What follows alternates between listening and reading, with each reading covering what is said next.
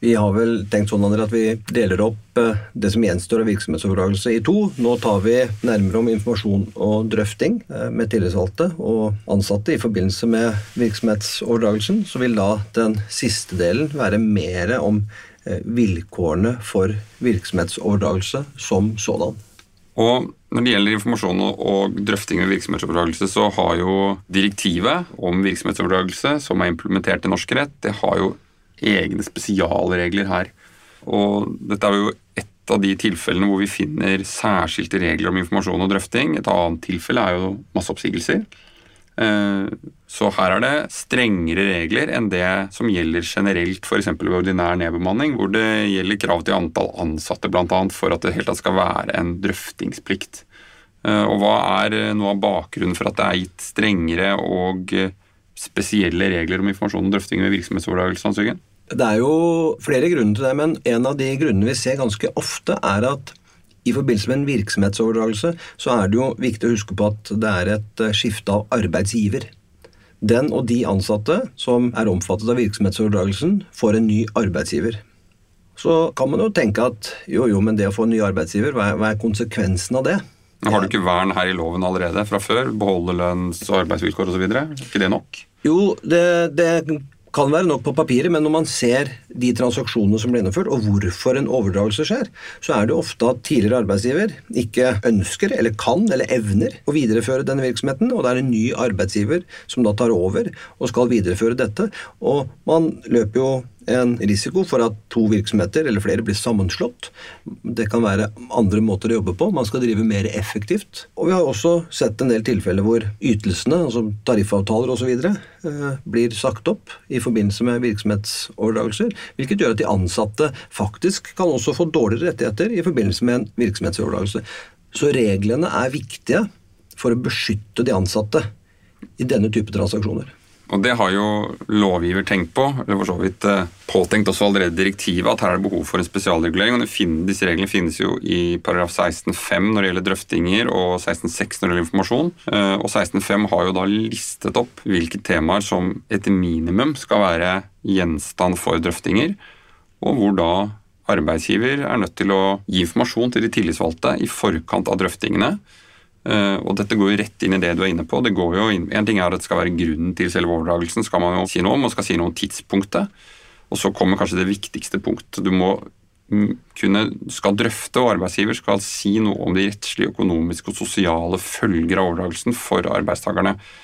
Og litt lenger ned i bestemmelsen planlagte tiltak overfor arbeidstakerne. Og disse to momentene går jo nettopp på dette hva kan jeg forvente når jeg kommer til en ny arbeidsgiver blir jeg gjenstand for nedbemanning med en gang? Eh, går jeg fra å være del av et trygt, stort system, kanskje med tusenvis av ansatte og gode ordninger, til et risikoutsatt virksomhet med, med kanskje få ansatte og svake eiere? Eh, hvilken eksponering må jeg flytte arbeidssted? Eh, alle disse tingene er en grunn til å ta opp særskilt når du får et arbeidsgiverskifte. Og Det er jo også her viktig å huske at en virksomhetsoverdragelse som sådan gir ikke grunnlag for en oppsigelse. Det følger jo direkte av eh, paragraf 16-4. Altså et vern mot oppsigelse. Det vi nå snakker om her, er da de etterfølgende tiltakene. Hva skjer når du har kommet inn hos en ny arbeidsgiver? For det er jo da sammenslåingene skjer. Det er da selve nedbemanningene og omorganiseringene gjøres. Og Det som kanskje er det viktigste av alt med bestemmelsen i paragraf 16-5 første ledd, er når denne informasjonen skal gis, og hvorfor begrepet 'så tidlig som mulig' er brukt i loven. andre. Mm.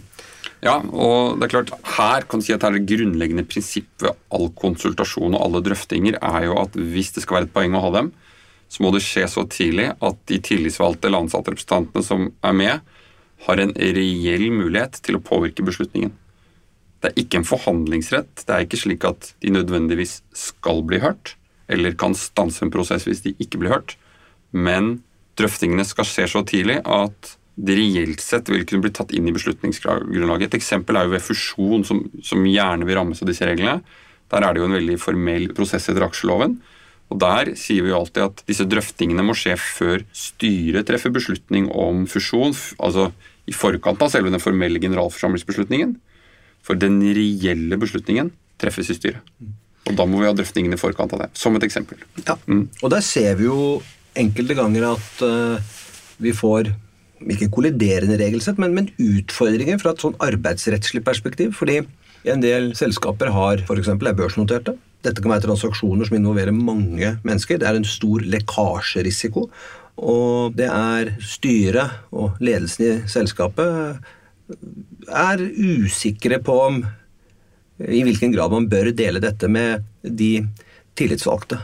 Men det er altså ikke et, ja, det er sikkert et argument, men det er altså ikke et holdbart argument. Fordi denne informasjonen skal ut, og da får man gå veien om å pålegge egen konfidensialitet, altså pålegge taushetsplikt for alle involverte. Ikke bare de ansattes representanter man drøfter med, men ledelsen og alle andre som, som får denne informasjonen. Mm. Så er det viktig å huske på dette tillitsvalgte begrepet i loven. Um, når det gjelder reglene om virksomhetsoverdragelse, så er forarbeidene klare på at arbeidsgiver kan ikke unnskylde seg med at de ikke er valgte representanter i selskapet. Så hvis det er slik at det ikke finnes noen tillitsvalgte, så må arbeidsgiver sørge for at det er noen å drøfte med. Og i praksis så må jo da arbeidsgiver gå til noen ansatte eller til alle ansatte og be dem om å velge representanter. Og Det må jo skje tidsnok til at du skal kunne etablere et drøftingsorgan, for deretter å innkalle til drøftinger, og så drøfte med det drøftingsorganet. Og Her eh, møter vi jo utfordringer i praksis i, i transaksjonsprosesser som gjerne har et, eh, et, høyt tidspress.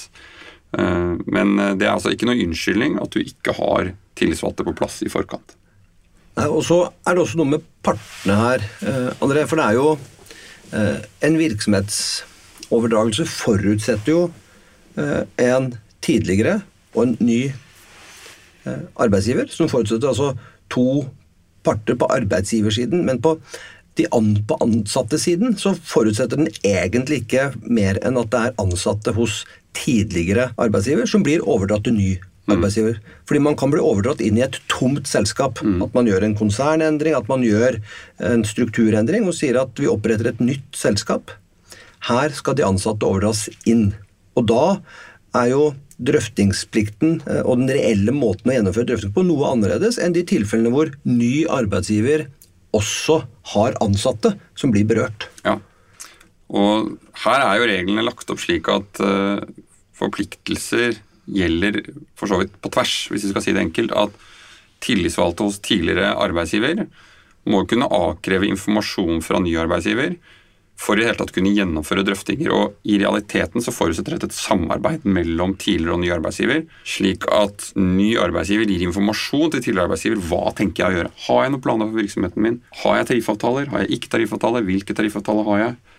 Eh, er det en risiko for nedbemanning? Skal vi flytte? Osv. osv. Disse opplysningene må jo tidligere arbeidsgiver ha for å kunne gjennomføre reelle drøftinger etter loven, ellers så stopper jo prosessen fort opp. Og som du er inne på, ny arbeidsgiver må ta en runde med egne tillitsvalgte og egne ansatte og si nå kommer det kanskje 50 stykker hit. Vil det bli overlapp av funksjoner? Vil det bli nedbemanning, eller er dette eh, helt kurant og greit?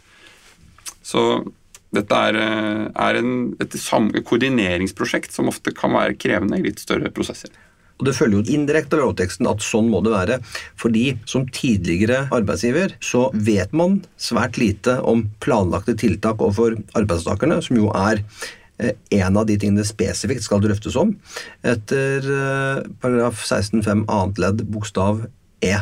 Og det er jo også Loven altså lagt opp slik at dersom tidligere eller ny arbeidsgiver planlegger tiltak overfor arbeidstakerne, så skal dette så tidlig som mulig drøftes med tillitsvalgte med sikte på å oppnå en avtale. Det følger av 16.5 tredje ledd. Og det er ikke så lett å lese ut av den hva er tiltak, eh, og hva er en avtale man, man snakker om her. Men det bestemmelsen i hvert fall gir anvisning på, det er at ser man at eh, det går mot flytting, ser man at det går mot endring i arbeidstid, ser man at det er type endringer som som ikke nødvendigvis innebærer en oppsigelse, ikke nødvendigvis innebærer en nedbemanning, men som innebærer endringer av en slik karakter i ansettelsesforholdene at det er grunn til å ta det opp, ja, da skal man drøfte dette med sikte på å oppnå en avtale.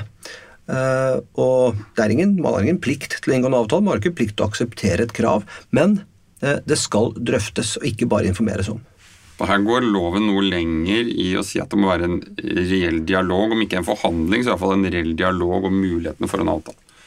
Og så er det de ansatte generelt. da, altså Hvis du nå først har gjennomført drøftinger etter denne noe omfattende bestemmelsen, så sier jo også loven at hver og en som berøres, skal jo få den samme informasjonen så tidlig som mulig. Eh, hva betyr så tidlig som mulig her? Er det samme tidspunktet, eller kan det være senere?